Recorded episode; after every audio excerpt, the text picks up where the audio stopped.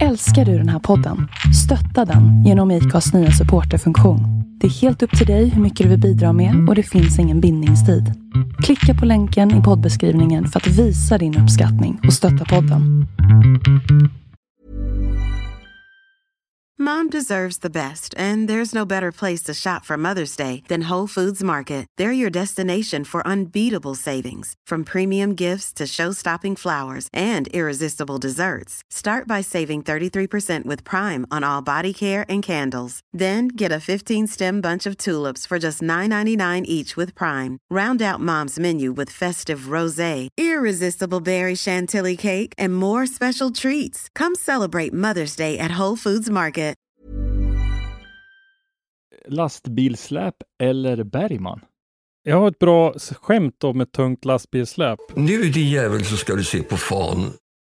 men jag orkar inte dra det nu. Vi, vi kan inte dra pappaskämt i podden. Vi har säkert en hyfsad gubbstämpel på den här jävla podden. Ja,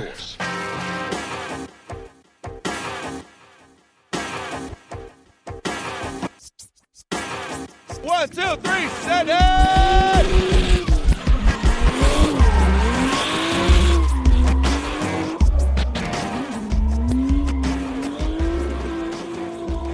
Hej och välkomna till ett nytt avsnitt av Driftpodden. Med mig, Henrik Andersson. Christer Hägglund. Och Robban Strandberg. Ja, varmt välkomna till Nöjesmetropolen i poddvärlden. Det vill säga vi tre Teletubbiesar, eller hur? Ja, det tycker jag. Jag vet inte om vi... Det var, lite intressant att du la till Nöjesmetropolen i poddvärlden, för jag, jag reste ganska snabbt till din lilla hemort och tänkte att det, det, det, det, Nöjesmetropol kanske var att- vränga sanningen Vad- lite. vad, vad hette, var det Rönkhällen du bodde i? Vad hette det? Ru- Ja, vi- Runhäll. Ja, lä- lägger man till ett K så blir det ju så. Ja, ja. Ja. Jag ska, Nej, ska jag- printa en dekal och smacka på den här jävla skylten nästa gång jag åker förbi. Det- Det är ju tyvärr så att eh, liksom, eh, Nöjesmetropol här omkring, ja, kanske för hundra år sedan. Mm. Eh, Jag vet inte, vad, pysslar de med nere i Runhällen förut? Eller och nu? Du gör stora, du kör truck på något ställe som gör stora betongfundament om jag inte är helt ute och cykla. Ja, betongväggar. Ja. Men det är ju inte i Tack, Runhäll, det är ju Sala. Ah, Nej, Heby. nej, det är menar Heby. Heby. Heby. Ah, vad gör man i Runhällen? Runhällen, Runhällen, det är bondesamhället personifierat. Ja, det, det, det, Det- enda jag kommer ihåg det- av Runhällen är att det är förbannat platt. Ja, det är det. Det är mycket skog, och Mm. mycket bönder eh, och lite kåkar och där i smeten bor jag. Men hörni, Så mycket mer kan jag faktiskt inte säga. allvarligt, säsongen har börjat. Jaha, Känner, jaha. känner ni inte att, att, vi, att det kliar lite grann och börjar prata om riktiga saker? Det börjar väl att liksom närma sig. Det är inte så långt kvar Ja, nu tills men- det, det händer något. Nej, men det började väl faktiskt igår kan man säga med eh, den här Gatubil Swedish Drift Series, Swedish Drift Championship heter det ju. Gatubil Swedish Drift Championships test och promotordag på Mantorp Park. Yes. Så att nu kan man ju säga att våran inhemska säsong är igång. Officiellt ja. ja, und, undrar vad de gjorde. Jag undrar vad de gjorde. Eh, det är eh, 22 dagar till premiär. Också det på Mantorp Park då. Eh, och det var ju lite tester och sådär. Möjlighet för alla att få komma ut på banan och testa sina bilar. Men sen har det pratats lite grann om att det skulle göras lite promotion-material och sånt där också. Men eh, vi är ju inte där.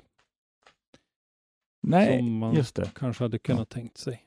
I och för sig så blev det ju en dag fastän vi inte var där, otroligt nog. Men, men det var väl att de, de, som läget är nu så får de väl inte ta dit någon media, misstänker jag. Eller vi, de, de Nej. skär väl bort det som en blindtarm ungefär. Det var, det var blankt nej. ja, Det är inte att vi Ja, inte har vi- vi- försökt. Eh, nej, nej. Nej, för vi frågade ju faktiskt och, och, och hela den, den biten. Mm. Och, eh, alltså, jag, jag, det är klart man kan förstå dem. De, de kanske har saker de vill ta upp, promota, grejer, dona. Men var inte så svensk. Vad är du så förstående för? Precis, Ja, sluta med ja, jag det. vet inte. Jag, vill- jag vill åka Nej. ner och titta på drifting, fan skärp er. Ja, då Nej, måste det- vi vänta 22 Nej, dagar men till. helt, helt utan Ja. att skämta eller raljera så hade det varit otroligt värdefullt för oss att få vara där Eh, få fota bilarna i deras nya liveries lite grann för att kunna vara snabb ut med nyheter. Vi har ju lite intervjuer och grejer på gång som ska ut eh, i olika Ja. sammanhang och sådär och det hade varit jättevärdefullt. Men, men det är ju, självklart respekterar vi ju beslutet att inte få komma dit. Sen får vi se om det kommer eftersom eh, i, från seriens egen sida så kallar de det för testdag, men när man pratar med förarna så säger de promotordag och så där. Så kanske att eh, det kommer att göras något material ändå av seriens eh, egna små hustomtar eller något. Vi får väl se. Ja, men de har väl någon, Mm. någon dedikerad fotograf som kanske tar lite bilder och sådär, så vi kanske kan få ta ett litet snack med och se om vi kan få tjuvåka lite på hans material. Ja, men sen hade det varit underbart att kunna skapa någonting vi har pratat om ganska länge. Det är ju att skaffa förarprofilbilder. Eh, Mm. Det hade varit en ypperlig dag.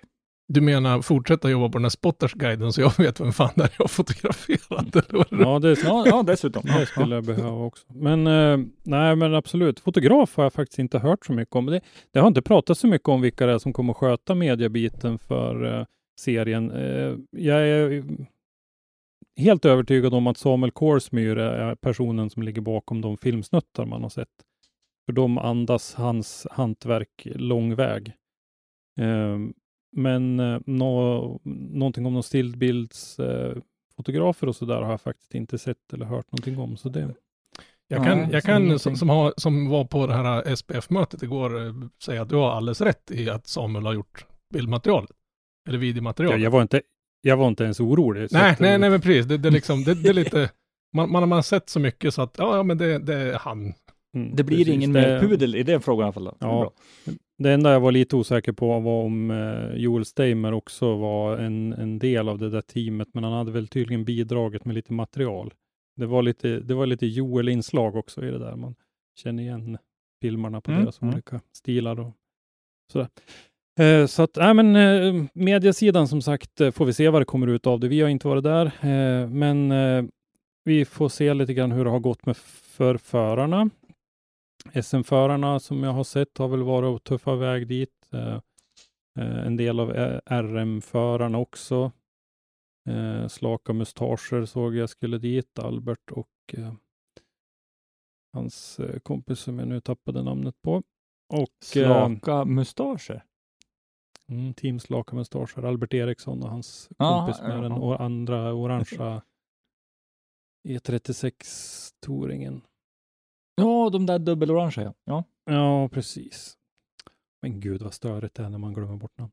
En som däremot eh, inte eh, är där, som jag förstod det, är Jim Nordqvist. För han var ju lite osäker på om hans bil skulle vara ihop den 17 när eh, det pratas om frikörning i Sundsvall. Filip Josefsson var namnet jag sökte på Alberts teamkompis. Eh, Herman Jansson har vi sett på väg ner och så vidare. Eh, Ja, Herman hade gjort en liten fräck video så här, vad man behöver ha med sig när man åker på en testdag. Jag tyckte sånt var lite Ja. kul. Jag, jag gillar den grejen, så det inte bara är liksom fokus på, åh, ballt, nu sladdar vi runt på bilen, på banan. Men jag gillar just de där runt omkring sakerna.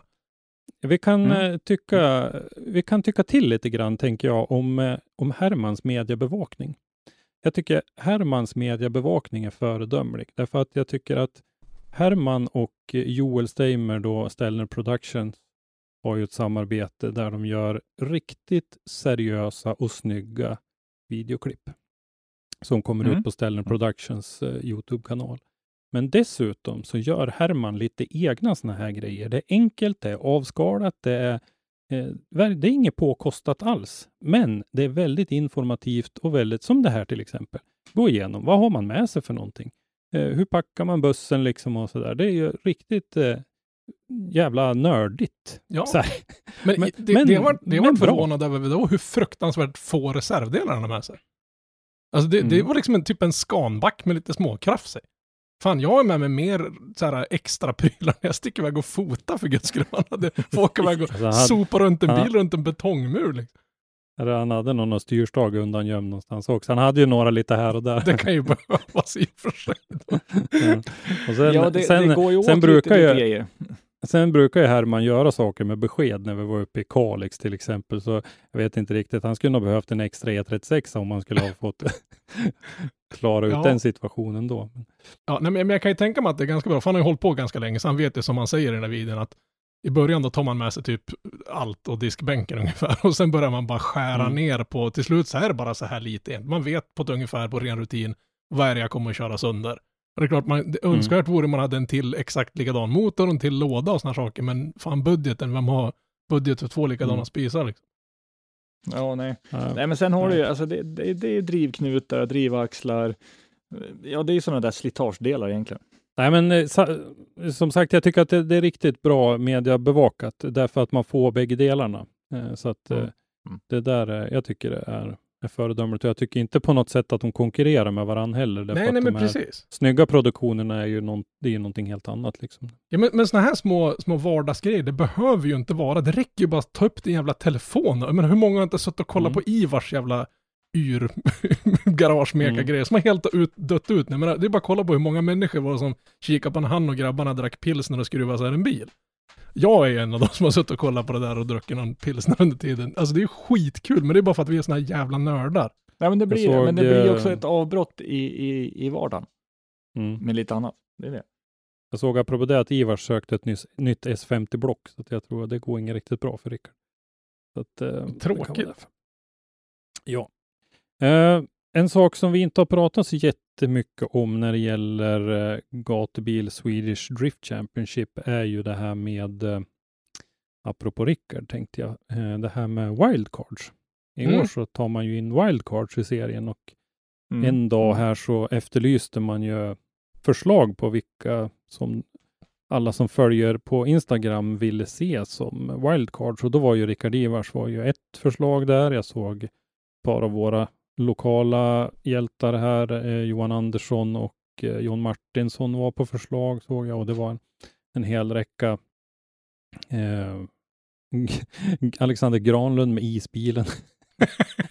såg jag. Med isbilen, att Ja. inte förglömma han, liksom. han, han har ju sålt den andra. Men ehm, det där, eh, jag, jag hoppas att eh, det där blir kul och sådär. Så ni- Alla vet redan att jag är lite anti mot det där med wildcards, men nu ska jag gå in i det här med, med glatt humör och öppna ögon och hoppas att eh, vi, vi får en, en krydda och, och lite roliga människor som höjer intresset för det här och inte bara se nackdelarna med det, utan eh, Men för, för, den Mm. enskilda, Ja, jag tror, för den enskilda deltävlingen är det ju svinkul med wildcards, men för serien kan det vara förödande.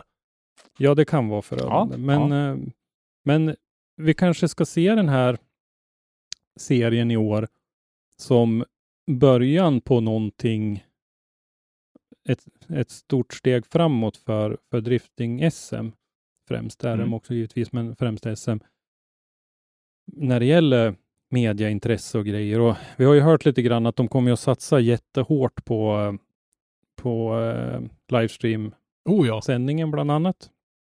Massor med kameror och löpare i, i eh, depån och, och lite allt möjligt sådär. Och det, det där kommer säkert att bli toppenbra. Och där skulle jag vilja säga, för där kommer ju vi att bli jämförd. Nu, nu, nu kommer jag ursäkta mitt eget där, men jag kan säga så här till alla som lyssnar på det här, att eh, den budgeten som ligger på den här livestreamsändningen i år är inte den budgeten som eh, vi in, inom Driftzone gjorde, de sändningarna vi gjorde. Vi skulle väl Så kanske att, eh, kunna, det de här grabbarna får per tävling skulle vi kanske kunna livesända drifting i tio år för ungefär.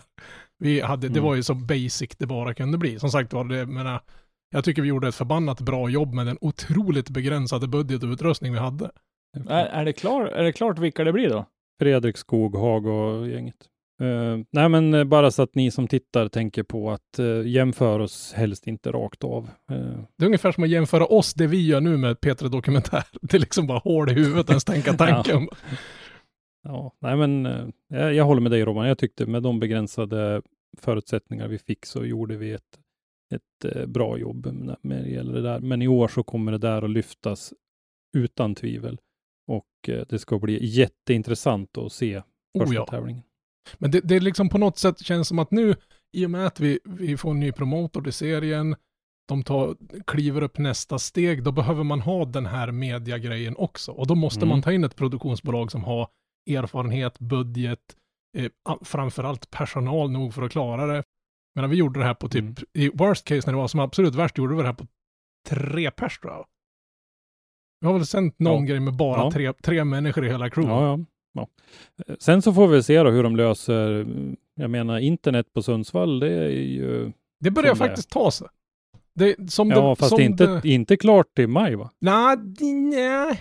Ja, det törs jag inte säga, men det kommer att finnas fiber där i alla fall nästa tävling. Alltså nästa år är det garanterat fiber där uppe.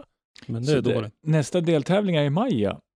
Ja, Just det, det är Den är ju typ nyss. Jag, Hasse, en kollega, han brukar ju vara där uppe och skicka dagliga såna här snörapporter därifrån. För, för Raceway ligger en bra jävla bit uppifrån från havshöjden. Och idag kan man Mm. faktiskt se asfalt där uppe.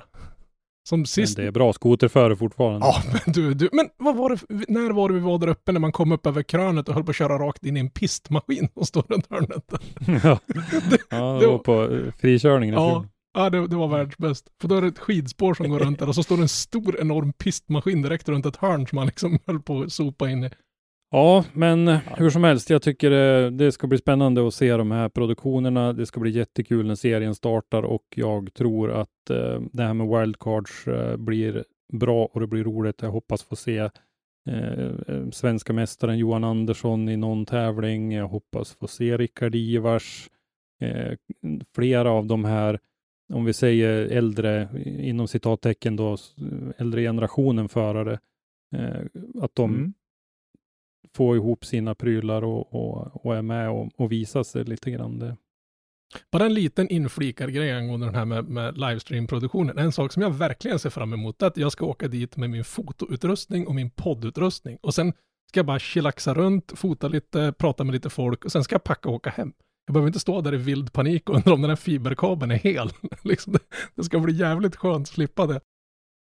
Man blev lite lätt tunnhårig vissa stunder, kan Ja, jag ju faktiskt Ja, se vad jag ser ut. Jag menar, jag hade inte så jävla mycket hår när jag gick in i det här. Det har definitivt inte vuxit ut mer kan jag säga. Ja. Eh, om vi går raskt vidare. Fia JDC har ju börjat presentera lite förare och det är ganska många Mm. som, som höjer, man höjer bryn, ögonbrynen på faktiskt, skulle jag säga. Ja, där ska vi väl också säga att Fia IDC går ju en lite liknande utveckling som eh, STC gör, där man har tagit in en extern promotor Mm. i RDS, då, ryska serien, som ska vara promotorer nu då 2021 till 2023. Aha. Och eh, nu så är det ju en lite annan satsning på, det kommer Youtube-videos varannan vecka och det är lite satsning på sociala medier och, och sådär. Så att eh, det, det, det är väl det, den, den vägen som är att gå. Till att börja med då så påstod ju- i den här första videon så påstod man ju att eh, FIA IDC var den mest framgångsrika internationella driftingtävlingen och det kallar jag I call bullshit on that one. Lite Det har ju varit, det har ju varit katastrof de gångerna som har varit, eller inte alla tre gångerna kanske, men men eh, det har ju det har, det har inte varit den mest framgångsrika internationella driftingtävlingen i alla fall. Det är inte som att man sitter hemma och Nej. tappar hakan direkt. Nej. Nej. Nej, men eh, som sagt så börjar det ramla in lite namn då. Gotcha Chivchan, han har ju vunnit 2018-2019. Kan han ta sitt tredje raka? Är ju frågan. Ja. Eh, James Dean vill ju ha ett ord med i laget. Första gången han är med i det här. Mm. Charles Eng är ju först, eller för, eh, han är ju med för, eh, han har väl varit med alla gånger tror jag. Ja, Eh, så han är ju rutinerad, men han har inte haft några stora framgångar. Daigo Saito, vi har pratat om förut, mästare i DTGP Japan, mästare i Formula Drift i USA. Ola Jäger kommer att representera Norge tillsammans med Joakim Vågård. Ehm, Ja, de är och- inte dåliga heller. Nej. Det är de Men vi har, absolut inte, inte. vi, vi har inte sett någonting om det är någon svensk som eh, Nej, vill. Jag har inte hört någonting faktiskt nej, ingenting. Eh, nu senast så fick, eh, fick man ju, de som var med i den där videon, de fick eh, utmana någon och James Dean utmanade eh, Jack Shanahan. Och Gort, var det Gotcha tror jag, som eh, utmanade Fredrik Åsbö, för vi har ju inte hört någonting om Fredrik heller. Om han Nej, tänker... det. det här var- Jag vet inte riktigt. Jag har faktiskt inte kollat hur det här stämmer in med eh, Formula Drifts eh, schema, tävlingsschema. Men... Det är ju, Ola Jäger är ju absolut ingen dålig förare. Han har ju kört eh, Formula Drift Pro 2 och sådär och varit eh, hyggligt framgångsrik där och, och Vågård har ju haft några framgångsrika säsonger och inte de här allra senaste. Det man är mest känd för nu på senare tid är väl när han driftade över den där, eh, vad heter den, Atlantbron eh, uppe i nor, nor, nor, Nordnorge. Men, eh, Ja, men i, i närheten av Arctic Raceway, eller vad heter han? ja, det är precis. Så ja, vi får se. De presenterar förare allt eftersom. Så får vi se. Vi hoppas väl att någon svensk ska ta sig dit i alla fall. Ja. Det vore, ju- vore fruktansvärt tråkigt annars, för jag menar, nu har Ja. vi ett gäng förare som inte ska köra SM, men det är ju liksom utav Och de det här som är ju bara en tävling. Ja, jo, men alltså vi, vi, förare som inte anmält sig hit som, som eh, kanske tänker göra något annat som vi inte vet vad de ska pyssla Mm. med i år. Men Sen, sen har vi ju också då saker vi inte har sett, men borde ha sett. Ja, Och vad pratar vi om då tror ni grabbar? Ja, jag vet, för det var jag som skrev rubriken i manuset. Nej, men vi, vi tycker faktiskt att det borde börja vara dags att se lite deltagarlistor och grejer för en del serier. Och vi har haft kontakt med Gatubil, Björn Wahlberg på Gatubilorganisationen och frågat om någon deltagarlista Gatubil Drift Series. Och Björn svarade då att eh, de kommer att ta ett beslut den 9 april hur det blir med Gatubil Drift Series på, i alla fall på denna sidan av sommaren som han skrev eh, första halvan av sommaren då. För just nu så är det ju lite svårt att planera för någon tävling med norska och svenska förare. Så att vi vet nog inte riktigt Ja, hur det blir där. Nej, samkörning är nog rätt så eh, kört just nu, vad det verkar. Det här är ju inte skidåkning och åker man skidor då är det tydligen hur jävla fritt som helst att fara tvärs över gränsen och tävla till höger och vänster. Men Ja, ja. annars, eh, kör man bil då går det inte. Där bil är 1500 gånger mer smittsäkert än vad skidåkningar. Jag menar, det, det är på elitnivå det här sker också, även om, om gatubil inte är någon, vad ska man säga, riksmästerskapsnivå, men den är ju fan minst lika bra. Om kanske till och med snäppet bättre än norska och svenska mästerskapen så brukar ju nivån vara jäkligt hög på gatubil. Ja, det är det ja, absolut. Så, så vi, Eh, det här måste ju klassa, gatubil måste ju klassas som elit, tävling på elitnivå. Jo, men det ligger där uppe. Det gör det ju. Ja, jag vet inte faktiskt om det gör det. Om det krävs att det är något förbund som, som håller i det högst upp och det är det ju inte i det här fallet. Ja, men nej, nej, ja precis. Det här är ju ett Ja. rent privat företag. De är ju inte, Gatubil är ju inte promotorer på något sätt för GDS, utan det är ju deras egna serie. Mm. Tittar man på nivån är det ju tveklöst så att, att den, den är ett eller ett par snäpp över eh, SM som vi har sett senaste åren. Men, men Mm. eh, ja, jag vet inte. Sen har vi eh, del två av saker vi inte har sett, men borde ha sett. Och det är då deltagarlista i Drift Masters, eller DMEC. Mm. Det är 58 Känns- dagar kvar till premiären och de brukar faktiskt, även fast de brukar dra ut på saker och ting, så, så här brukar de inte dra ut på det. Nej, och eh, vi har ju faktiskt varit och dragit lite grann i våra kontakter även där. Mm. Vi har ju frågat eh, Kian Leonard då som eh, är eh, Communications Officer eller vad det heter. Och eh, jag frågade då om man hade någon information om när deltagarlistan skulle komma eller om man hade några andra nyheter han kunde dela med sig av och det hade han inte. Jag hoppas veta mer inom de närmsta veckorna. Men eh, ingenting just för tillfället. Eh, och jag hoppas att ni håller er friska och att vi syns på DMEC 2021. Hälsan också då, men, eh, men Mm. ingenting där. Så att eh, vi får väl se. De, det kan ju vara så att de eh, börjar och är lite rädda att det inte ska gå att genomföra det här, men vi, vi får väl se. Ja, det kan ju vara, alltså vi vet ju, man vet ju aldrig vad som händer bakom kulisserna. Det kan ju Nej. vara febrila förhandlingar om saker och ting. Ja, ja, ja, absolut. Vi pratade ju om det här att det skulle vara en proffsliga i år då, för att det skulle säkerställa att man skulle få, få det genomfört. Men eh, ja, Eh, sen har vi då Red Bull Drift Brothers som mm. har gått ut med att de bygger varsin ny BMW G82 M4. Mm. Den ska bli intressant att se. ja, precis. Eh, jag tror vi har nämnt det förut i podden, va? Elias Ja, Hontunji som åkte en BMW E30 och Johannes Hontunji som hade en eh, Nissan S13 med Mitsubishi Galant-front och pickup-flak. är ju en jättekonstig skapelse som eh, en riktig vattendelare. Robban tyckte inte om den, men det finns andra som tycker att den är skitfräck. Det är den absolut fulaste tävlingsbil jag någonsin sett i hela mitt liv. Och det har jag sett en del folkracebilar också, de brukar inte vara så jävla snygg. Men alltså bara tanken på att bygga en pickup av den där, det skulle fan med, nej. Men den är Mm. inte vacker. Men Ja, nej, en sak, nej. eh, det här är alltså en helt ny bilmodell. De är ju presenterade som 21 års modell, va? Mm. Eh, Så det är ju två stycken pre-production bilar som de har fått och, och det som jag tycker egentligen är mest intressant med det här är ju att de har ju nu fått till ett samarbete med BMW M-sport om det här. Det är ju jättestort tycker jag. Det är nästan lika stort som grillen på en sån här M4. Ja, det är nästan lika stort som grillen. Eh, Men eh, ja, nej, det, det är stort för då har de ju verkligen backning. Så nu håller de ju på och, och jobba. Det har ju kommit ut någon eh, Youtube-video om det där, hur de har börjat byggt om dem där nu då till eh, professionella tävlingsbilar. Deras bilar, eh, tror jag också vi har nämnt förut någon gång. De, du, Henke såg dem ju i Ferropolis, va? att de såg rätt mjuka och sönderkörda ut.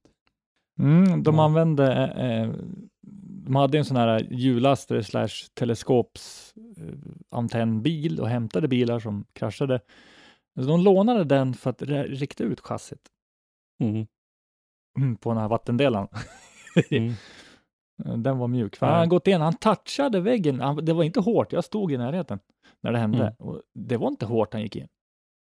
Men ändå så var de tvungna att ha alltså en hjullastare att rikta den med. Jag gillar när man riktar saker med hjullastare. Då vet man att det är ingen, Ja. det är ingen jävla lek det här. Eller det här, här har det smält ordentligt.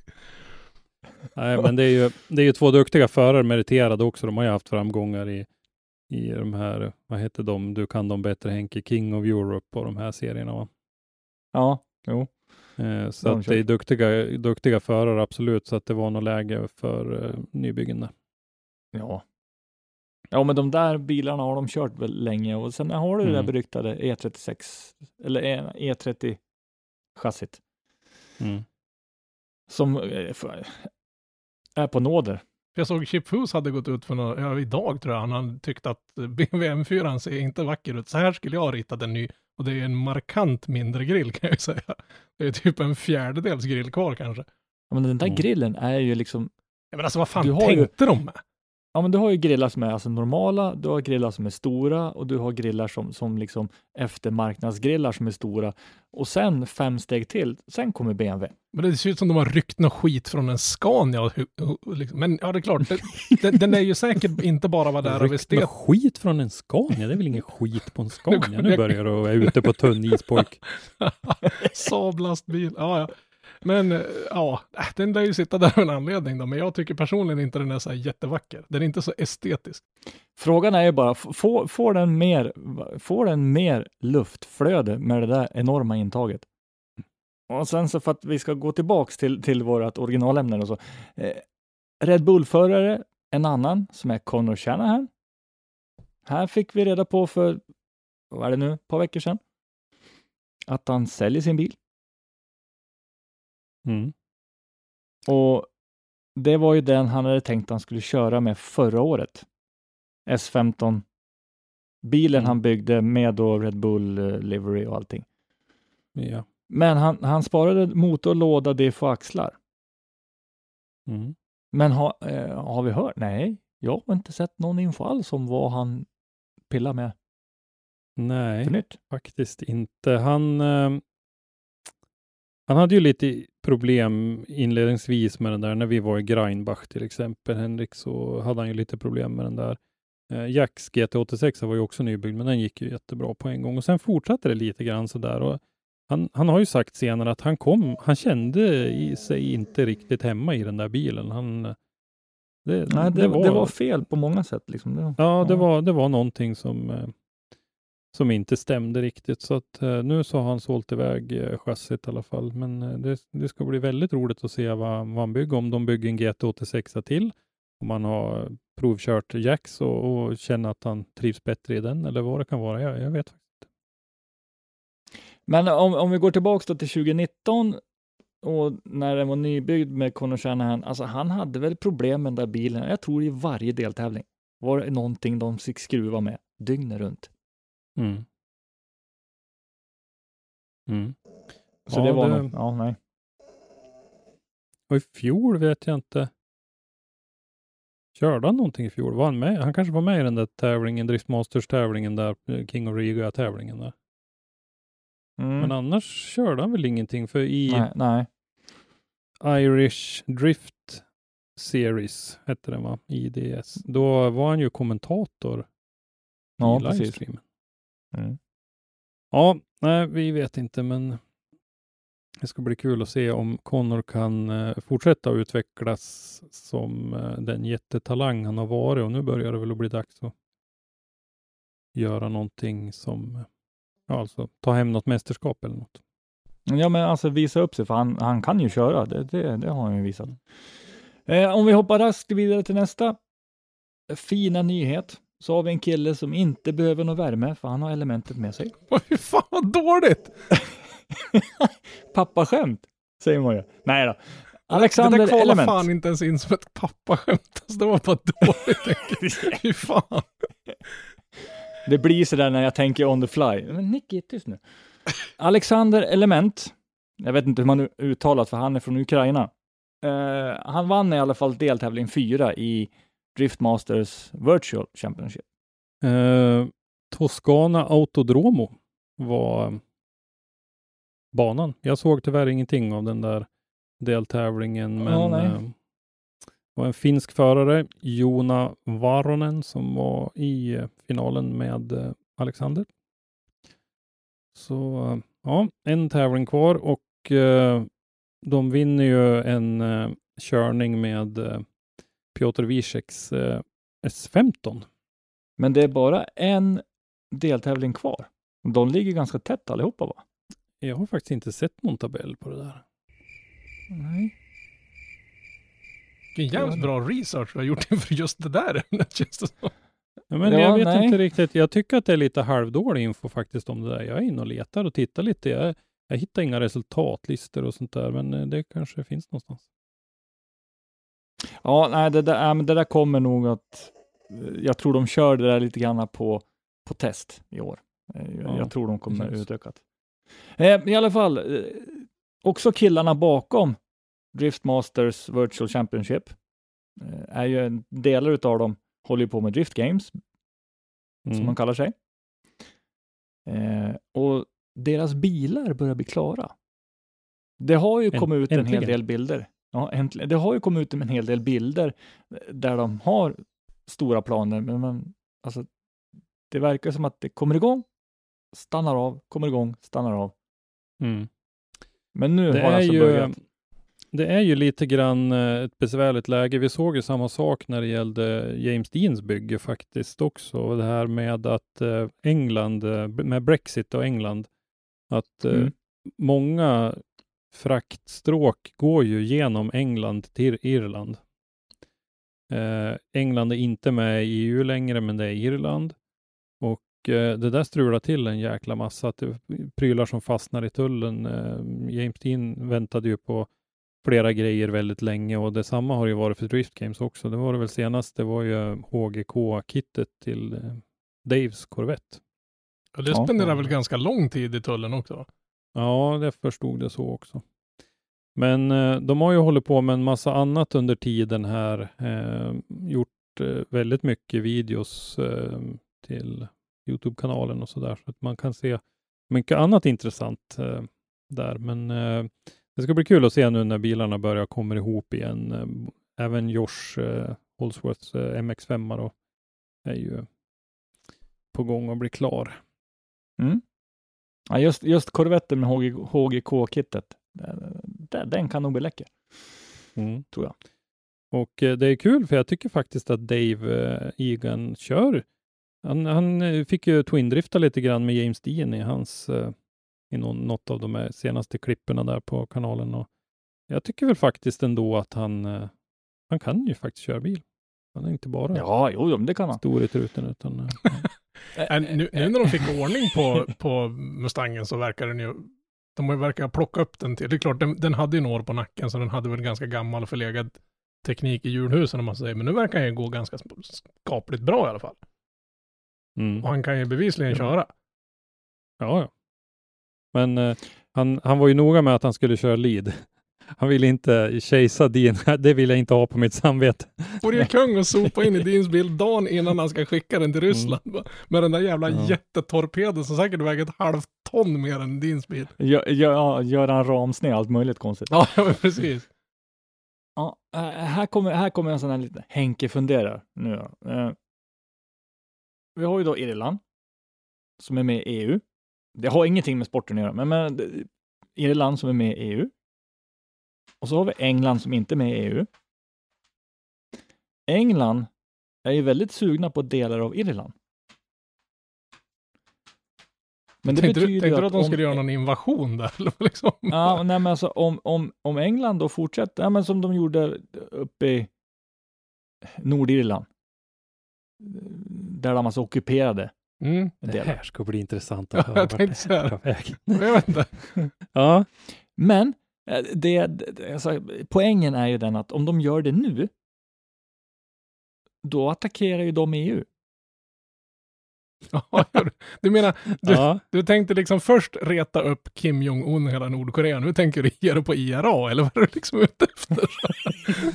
Nej, men du, du förstår vad jag menar. Ja, ja, ja. Ja. ja. Det, nej, så så om, om, om England vill, vill då, de vill ju ha delar utav Irland. Eh, Det är väl hela kontentan utav det, antar jag. Eller de tycker att delar av Irland är England. jag, jag tror inte att, att man har gjort några anspråk på det under de senaste eh, åren, utan det är ju Nordirland blev ju den, den protestantiska delen blev ju Nordirland och fortsätter ju att tillhöra Storbritannien. Så är det. Ja, ja Men eh, precis. jag tror ja. inte man har några ytterligare anspråk på, på irländskt eh, territorium nu. Men eh, däremot så kan jag säga att det här med IRA och det, det är ju fan ingenting att skoja bort för jag har suttit i ett tunnelbanetåg i en tunnel som har stannat mitt emellan två stationer därför att det var bombhot på stationen vi Åh, skulle komma på när, när IRA var som mest i farten ja, i London Ja, för- de, för ett gäng år sedan. De då, är- då var man fan de- inte så kaxig kan jag säga. Nej men och även om den där bomben var på, på en station eh, ett gäng hundra meter fram så skulle jag nog tänka mig att det har något blåst till skapligt där nere i tunnelsystemet om de har bränt av en bomb där. Så att, eh, du, nej, det, du har ju varit lite lomhörd, är jag rädd. Ja, en aning Men lomhörd en, tror jag. en viktig motorsportsrelaterad fråga. Isle of Man, vad tillhör det? Är det Irland eller England? Nej, ja. Ja. Är det England så är det ju inte EU. man ska ju man ska ju, inte- man ska ju inte rätta och sådär, men det är ju Storbritannien egentligen vi menar. Ja, jo. Om det tillhör England eller inte. Men... Ja, men Isle of Man, det är väl inte en, eget, en egen nation, så att säga. Stor, England är ju en egen nation, Irland en egen nation och båda två ligger i en liten plutt som vi kallar för Storbritannien. Men vi, vilken del är Isle of Man en tredje part, eller en fjärde part, för vi har glömt skottarna också, de som kan göra kopiöst jävla god sprit. Men Isle of Man är en ö i Irländska sjön som är belägen mellan Storbritannien och Irland. Den är en kronbesittning som lyder under den brittiska monarken, men Oj. är inte en del av Förenade Kung- Konungariket, Ah. Storbritannien och Nordirland. Så då kanske de... Isle of Man är självstyrande på många områden, men försvar och internationella relationer sköts av Storbritannien. så frågan är, är de med i EU eller inte? De är semi, semi De, de är engelsmän. nästan med i EU. ja.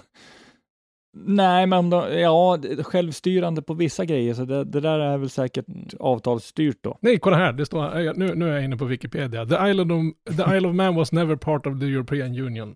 Så, tack, klart. De var aldrig det alltså? Nej.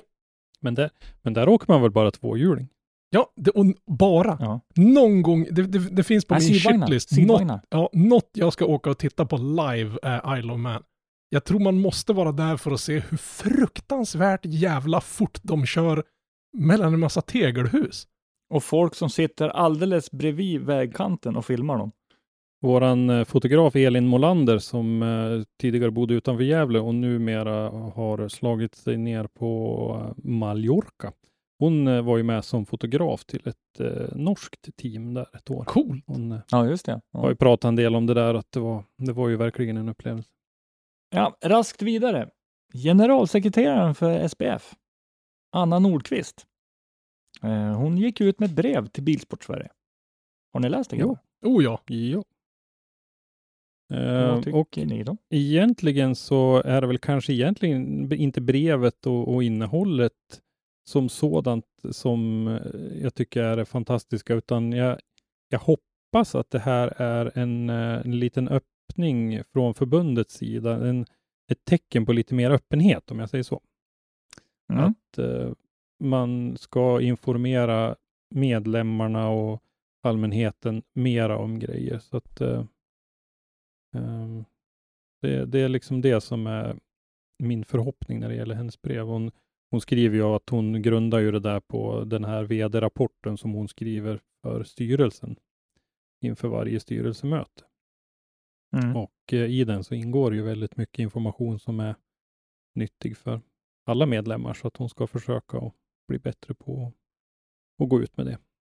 Men jag, ty jag, jag tycker det är rätt väg att gå, helt klart. Ja, men det skulle Eh. minska mycket av den här, för, för mycket av kritiken, det är väldigt mycket baserat på, på rykten och just det, bristen på insyn och information. Och det här är ju liksom ett, Mm. verkligen ett steg åt rätt håll. Så jag hoppas det här blir någonting som, som hon sätter i system och kommer ut med så fort det finns möjlighet. För menar, går man in och tittar Mm. på, på styrelsens protokoll till exempel, vilket vi är sådana kalenderbitar som håller koll och kikar lite där, men det, det står ju ingenting att de har avhandlat den här motionen, men man ser ju aldrig vad själva motionen till exempel innebar eller någonting sådär, utan det är bara liksom ett raskt protokoll med så lite information som möjligt i. Och det är ju skittrist. Det, det liksom spär ju bara på den här uh, vi och dem-känslan. Och jag hoppas de liksom Ja, tänkte försöka bekämpa den, för att slippa Mm. få... Menar, det, det är en, en enkel grej som, som styrelsen kan göra för att ta bort den här ryktesspridningen och alla spekulationer. För finns informationen där, då är det bara att läsa den och tolka den. Ja, en del kommer säkert ha problem att tolka den också, men äh, det skulle vara mycket, mycket bättre för, för Sportsverige om vi Mm. hade så. Ja, helt klart. Ja, men då kan man ju bara hänvisa. Hörru du, det står i prot- protokollet. Titta. Ö- Öppenhet är alltid bra. Ja, och, och speciellt i det här läget som vara öppet, Bilsportförbund. Nej, allting kan inte vara öppet, naturligtvis inte. Men i det här läget som Bilsportförbundet befinner sig nu, när det har varit så mycket kritik och det har varit bråk hit och dit och tjafs om allt möjligt, då, då är det ju extra viktigt att man är öppen i den allra mesta möjliga mån det går. Liksom. Men det är ju Mm. nästan ett, ett krav, för mörka och lägga locket på kommer ju bara att göra situationen ännu värre. Absolut. Då kan, då kan du inte ens göra en pudel sen. Nej, nej men precis. Nej. En av grejerna rosa. som eh, Anna eh, pratade om i det där brevet var ju att hon hade varit i Finland på Arctic Rally och eh, hon hade ju bland annat skjutsat en av de här eh, delegaterna eller vad det kallas för som eh, eh, har hand om vart man lägger VRC-tävlingarna och hade fått en, en kvart, 20 minuters eh, ensam tid att diskutera med, med honom om, om SPFs ståndpunkt när det gäller Svenska rallyt och så vidare som hon tyckte var så värdefullt att det var värt hela resan till Finland. Men det är bra. Det, ja, det är Ja, det är bra, Vi, för, för, för med tanke på att Arctic Rally fick ju alltså enorma lovord. Från Ja. förare, från team, från eh, ja, alla. mm, Det innebär ju att det finns ju en risk för att det är en väldigt stark konkurrent till vårt kära svenska rally. Men Svenska rallyt ska ju vara ett vinterrally. Och det har ju inte varit vinter Ja. på Svenska rallyt på jag vet inte hur många år. nej, men samtidigt så Arctic Rally i all ära så brukar man ju försöka undvika att ha flera tävlingar i samma land. Så att där har man ju Mm, pratat om då att det skulle kunna vara så i så fall att de får bytas av varannat år vinterrally och varannat år grusrally. Eh, om de ska ha bägge tävlingarna. Men vi hoppas väl naturligtvis att, ja, jag är inte absolut inte främmande för att vi ska ha Svenska rallyt. Jag tycker att det är en, en fantastiskt, jag tycker det är roligt att titta på det på tv och, och sådär. Men jag är Mm. osäker på om förbundet ska vara hälftenägare i företaget eller bolaget som arrangerar. Och dessutom att den andra halvan ägs av en geografiskt eh, väldigt begränsad eh, grupp som, som gör att man inte kan lägga rallyt där det passar bäst. Ja, Det är Ja, det nej, som nej. är, det är de, det är det som är knäckfrågan i det här tycker jag. Vem ska arrangera det? Det borde ju eh, om, återigen då kanske vara någon form av extern promotor som, som tar tag i det där och, och arrangerar det där, där det finns bäst möjlighet att göra den bästa tävlingen i lika med tjäna mest pengar. Mm. och där, där liksom för, förhållandena för ett vinterrally det året är absolut bäst. Där är liksom en och Ja. en halv meter snövall som du kan få åka efter. Och vi måste, Ja, det, det står, som det har sett ut och senaste in- åren så måste vi längre norrut. Ja, ja. bara. Jag menar, det kommer ju inte bli, det kommer inte bli kallare och mer snö så här helt magiskt. Det kommer ju vara sämre vintrar, punkt slut. Ja, och sen så är det att när, när man tittar på, vi pratar avtal, men inte avtal, men krav som, som då VRC ställer på den som ska ar- arrangera är ju ganska hårda.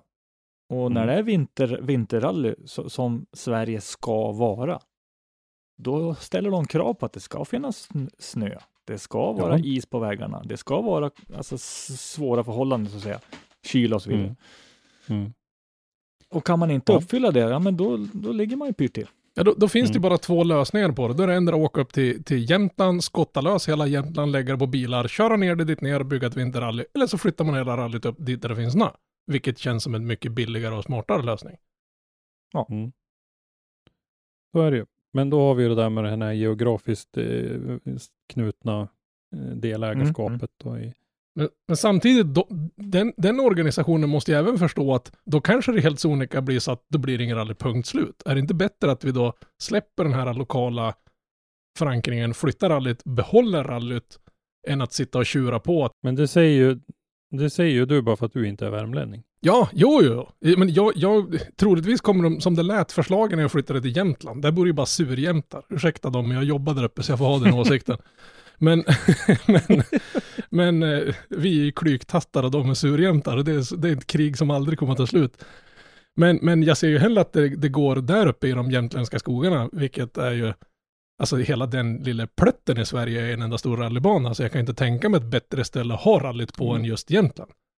Men varför ska vi just till Jämtland? Varför inte ännu längre norrut? Eh, Polcirkeln och där som där Arctic Rally gick nu till exempel. Ja. Alltså inte, inte där Ja, utan nej. jämna, jämna höjd. Tänkte Har vi infrastruktur och klubbar och grejer för att klara den mängden folk och grejer som behövs där? Det är det som är frågan. Mm. Det, det, alltså det, det, det, det är vild sen har vi fråga, så det är inget så här, jag, jag ställer mig inte tveksam till att de klarar av att sköta en sån här sak längre norrut. Det är bara att jag har ingen aning. Jag vet på ett ungefär vart, vart jämtarna står när det gäller motorsportsbiten. Men jag har ingen aning om hur organisationerna fungerar och har liksom förmåga längre norrut i Sverige. Det är bara, det är bara jag som har brist i, i, i kunskap om det. Alltså, sen, har vi, sen har vi en liten negativ sak och det är ju tillgången av publik som kan bli lidande om de skickar långt upp. rallyfolk har en tendens till att vara van att åka jävligt långt för att titta på en bil som passerar i tre sekunder i en skogsglänta. Ja, men jag, jag åker ju gladeligen. Eh, eh, nu har jag i och för sig bara ja, ja, ner, ner till rallycentralen så var det väl typ 30 mil. Ja, Jag har varit nere och tittat på Svenska rally tror jag fyra eller fem gånger och det, det var det värt varenda resa ner dit. Ja, det är det. Det är det. Så jag menar, jag, jag skulle åka lika länge åt andra hållet. Ja, du ja, men det är, du är ju norrlänning. Du, eh, göteborgarna har ju ingen möjlighet kanske att komma till, till rallyt om vi flyttar hit upp, men som de har när det ligger i Värmland. Men eh, jag menar, det är också en sån där grej som antingen har vi rallyt eller så är vi utan. Men eh, vad heter det, ska vi enas om att både vi och eh, resten av rally-Sverige ska vara jävligt tacksamma över att det inte är vi som behöver ta hand om det där? Men i alla fall eh, så eh, tycker jag att det är positivt eh, det här med Anna Nordqvists eh, brev i alla fall. Ja, Att, verkligen. Eh, information ifrån, eh, ifrån, inifrån Bilsportens hus och ut till, till deltagarna. Det tror jag de kommer att tjäna mycket på. Oh ja, oh ja. Det gör de. Och eh, med den bomben grabbar. så har jag bara en sak till. Jag har en liten grej jag skulle vilja flika in här. Eh, nu har ju driftingutskottet dragit igång de här digitala träffarna. Jag måste säga att de två jag har varit på nu är helt exceptionellt bra. Alltså det, det är chockerande hur jävla proffsigt genomfört det är och hur otroligt mycket jag har lärt mig av att titta på dem där. Sen kanske det också talar lite till hur lite jag visste, men, men eh, de har lagt upp det på ett sånt otroligt bra sätt med de, de kör igenom en liten föreläsning i början och sen är det öppet för frågor. Och igår var det väl kanske lite mer specifikt än första gången. Så igår var det tävlingsledning och då var det inte lika mycket frågor som, som första vändan. Men det var fruktansvärt kul. Jag hoppas att resten av Motorsport-Sverige tar vid och liksom fortsätter att lösa det på samma sätt som, som driftingutskottet har gjort. För det är sjukt bra information som är väldigt, väldigt lättillgänglig. Så mer sånt vill vi ha. i, i, de, ja, I de lägena så är det ju, är det ju ett, ett positivt media Ja, ja. som går ut digitalt och liksom streamat då. Jag skulle inte ha dundrat Mm. sju timmar ner för att sitta och lyssna på den här föreläsningen. Nu kan jag sitta hemma vid min dator och dricka en kopp kaffe och, och lära mig en sju helvetes massa. Då hade du dessutom fått valet en av dem. Ja, ja men precis. Nu kan jag gå alla tre. Ska vi fortsätta tipsa lite grann så kan vi väl eh, prata lite grann igen om Rickard Johanssons eh, podd The Motorsports Rescue Guy. Ehm, han har ju fortsatt eh, intervjua. Nu senast så var det promotorn för eh, Time Attack Nu-serien som pratade om säkerhet ur promotorperspektiv som en helt eh, ehm, kommersiell aktör på, på det här. Och eh, han har pratat lite grann om eh, nackskador specifikt i ett avsnitt och sådär. Så att, eh, det, ehm, han fortsätter att hålla hög nivå, Rickard, så att eh, jag tycker att eh, man ska, har man inte lyssnat på Rickards podd så ska man göra det. Och det kan låta tråkigt och nördigt som vi har pratat om, men, men det är väldigt intressant. Sen eh, tänkte jag faktiskt slå ett slag för eh, våra kollegor i Forsa-podden också som eh, ju pratar eh, Formel 1 och Indycar främst. Men eh, där har man fått förstärkning nu. Eh, Anders Lövström, Christian eh, Ridderstolpe och eh, Jakob eh, nu tappade jag efternamnet på honom, som har skött det där förut har ju varit bra. Men nu så har man fått med Joakim Dyredand också som är journalist, motorjournalist och jobbar för Automotor and Sport i Sverige och bland annat sammanställer deras eh, Formel 1 och Indycar-bilag och sådär. Hela podden har fått en rejäl uppryckning i och med det. I och med Joakims eh, inträde där så att eh, det är eh, ja, riktigt kul att höra. Och eh, ja, är man intresserad av racing så lyssnar man ju naturligtvis på Viaplays Formel 1 podcast också med eh, Janne Blomqvist och Erik Stenborg från eh, Viasat-gänget som gör eh, de svenska Formel 1-sändningarna. Och vilket, såg ni Formel 1-loppet förresten? Mm. Vilket, vilket lopp det var. Men låt mig gissa. Hamil- Hamilton vann på grund av att någon domare tyckte att han kunde få göra något som ingen annan kunde få göra. Så nu vann han. Nej, Nej, ja, så, säger, så säger de som inte begriper. Men så Ja, nej, det. men jag tänkte bara som, om det var som alla andra F1-lopp de senaste åren.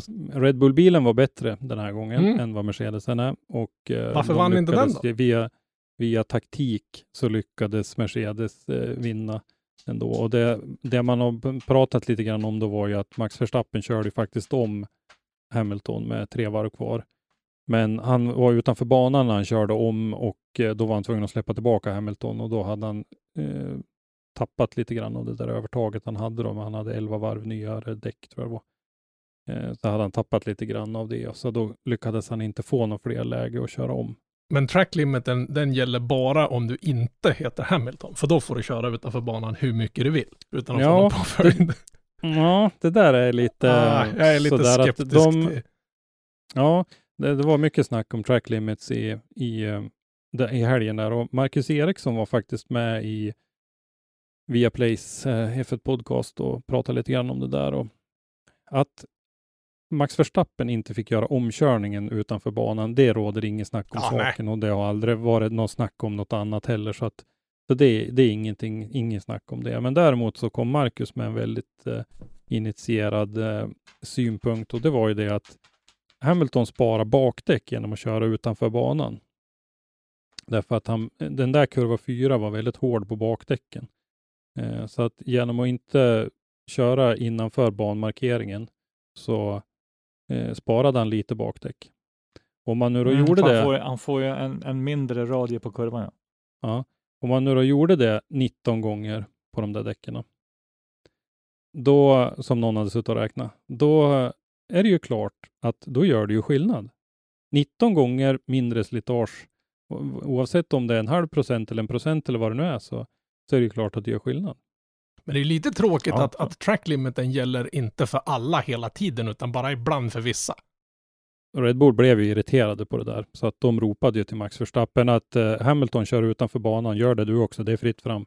Och då pushade man ju tävlingsledningen att gå in och säga till då att eh, man skulle eh, hålla lite bättre koll på det där. Eh, men eh, ja, hur som helst så var det ett otroligt spännande lopp, ett riktigt eh, bra säsongsstart. Eh, så att vill man inte bara se bilar som sladdar så Eh, Sen en av årets nykomlingar är ju eh, Nikita Mazepin från Ryssland. Han har ju fått lite kritik redan innan den här säsongen började för att han eh, tafsade ju på någon tjej och filmade och la ut på sin Instagram, vilket ju var allt annat än okej gjort då. Det tog två månader innan han ens kom sig för att be om ursäkt för det där jävla tilltaget och, och så vidare. Och så Eh, dessutom jätterik pappa som betalar pojkens väg in i Formel 1 och så vidare. Så att det, det väcker ju känslor redan innan så att säga. Och så beter han sig som en röv dessutom då. Och eh, så i första loppet han tävlar i så kör han av i första kurvan och det är färdigkört. Liksom. Så nu är det ju all over the internets är ju memes om den här Mazepin. Att Valtteri Bottas depåstopp var längre än vad Mazepins lopp var. det är fan tragiskt. Var det inte någon om att, om, Och- om att någon hade kört fortare på tre, eller kört längre på tre hjul än vad Ja. han gjort på fyra? Hamilton tappade ju, eller fick ju punktering och körde vidare på eh, Silverstone förra året. Så han körde längre på tre hjul än vad Mazepins Formel 1-karriär har varit hittills på fyra. och, och så vidare. Eh, så att, eh, ja. Mick Han har en- eh, han har- också med och men gjorde ingen större framsteg. Vad tänkte du säga Henke? Ja, han har ju en extremt stor puckel att bevisa någonting. Om vi säger så. Ja, Pappa kanske kan Ligger köpa ett bättre han- resultat. Ja. Er som gillar riktig racing, så om 18 dagar, 32 minuter och 35 sekunder så drar Indycar igång. Så slipper ni sitta och titta på Mm. någon, någon, ja, där, där följer de, där gäller reglerna likadant för alla. Precis. Det är lite Sovjet-style. Ja, Eh, Alla ska ha samma bil och alla ska ha samma förutsättningar. Det är lite kommuniststil. Det passar åt dig. men där är det liksom skiten mellan ratten och ryggstödet som avgör hur det går, inte budgeten på tid. Man, man köper sig inte till Nej. en Indycar-titel. Den kör man sig Nej. till. Nej, men det Ja. har du alldeles rätt i. Att Formel 1 är ett världsmästerskap även för bilarna. Så är det. det och det ska det vara. Det finns i regelboken. Det är väl mer ett mästerskap för vem som har mest pengar, tycker jag. Nej. Jo, men man köper sig en F1-titel. Det är ju någonting du kan gå och betala för. Det är ungefär som att gå till Ica och köpa en, en dosa snus så kan du ju köpa en F1-titel. För har du det finns mest... ett budgettak. Ja, men det gäller det förare. Du kan ju Nej. köpa den bästa föraren, du kan ju köpa den Ja. bästa bilen, du kan köpa det bästa teamet, du kan bevisligen köpa de kan bästa du inte domarna. köpa den bästa föraren i Indycar? Ah, Det är väldigt få, för, om vi säger så här, i Indycar är det nog fler mekaniker som har lön och liksom som är anställda av ett team en förare. För förarna måste ju komma, du, där i Indycar får ju som, du som förare köpa dig en plats i ett team. Utan hela starten griden kanske är tio förare som är heltidsavlönade, som är anställda som förare. Inte som, som Felix och de som har fått bidrag med, med egna pengar för att få en plats i en bil. Du får ju nästan betala för att få köra en bil. Det, det är en serie med Mazepin. Ja, Alltså- ja men precis. Det är en serie med Mazepin. Grejen med de här är att de här grabbarna vet ju vad de håller på med. Ja, det är samtidigt som omgång två i Formel 1. Ja, Henke. Ja, för att jag ska återgå till mitt som jag började med då. med den här bomben. Sen blev det en utläggning. I alla fall, eh, alla ni som lyssnar, eh, berätta för era, era kompisar, era vänner, era kära, era nära. Familj, eh, kompisen på jobbet, killen på pizzerian du inte känner. Men berätta för honom att nästa vecka kommer det hända grejer. Mer än så Åh. säger jag inte. Är det det? Jag trodde du skulle säga att de skulle berätta att du var singel. Ja. Framförallt kompis, killkompisen på pizzerian du inte känner. Ja, ja. ja, nej, det borde jag. Nej, men det har du helt Då- rätt i, då- Henke. D- Då skulle jag väl kanske eh, rikta in det så att de gick till den kvinnliga befolkningen och sa det. Ja, det vet man ju inte inte. killarna. men, Men... Nästa vecka, den 6 april, kommer det hända grejer. Det är så är det. Mm. Eh, och eh, det ska bli kul att se mm. vad du menar. Verkligen, verkligen. Men jag tycker faktiskt vi har eh, fått iväg det vi ville säga då. Jag tycker vi skiter i det här nu och går och sover istället. Ja, det gör vi. Vi säger så. Ja, men eh, till nästa gång. Ha det bra. Hej då!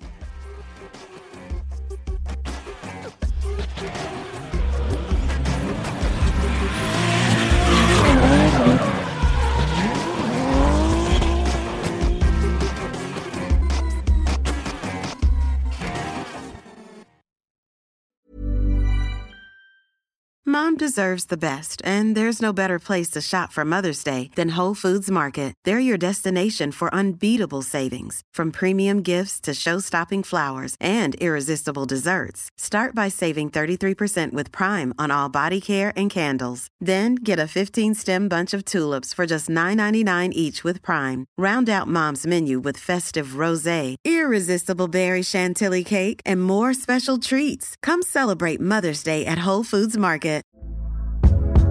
Hey there, it's Michelle Norris. I'm host of a podcast called Your Mama's Kitchen. When I travel, I'm usually looking for a way to find a taste of home when I'm not at home. And one of the things I love to do when I am at home is entertain. And Airbnb allows me to do that. When I was in California recently, I rented a house that had a great kitchen. And when we were sitting around the table, we we're all thinking, we're in someone else's house. Someone could be in all of our homes as well. If you have a home, but you're not always at home, you have an Airbnb. Your home might be worth more than you think.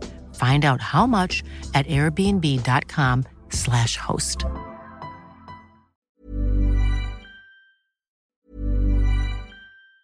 Mom deserves the best, and there's no better place to shop for Mother's Day than Whole Foods Market. They're your destination for unbeatable savings, from premium gifts to show-stopping flowers and irresistible desserts. Start by saving 33% with Prime on all body care and candles. Then get a 15-stem bunch of tulips for just $9.99 each with Prime. Round out Mom's menu with festive rosé, irresistible berry chantilly cake, and more special treats. Come celebrate Mother's Day at Whole Foods Market.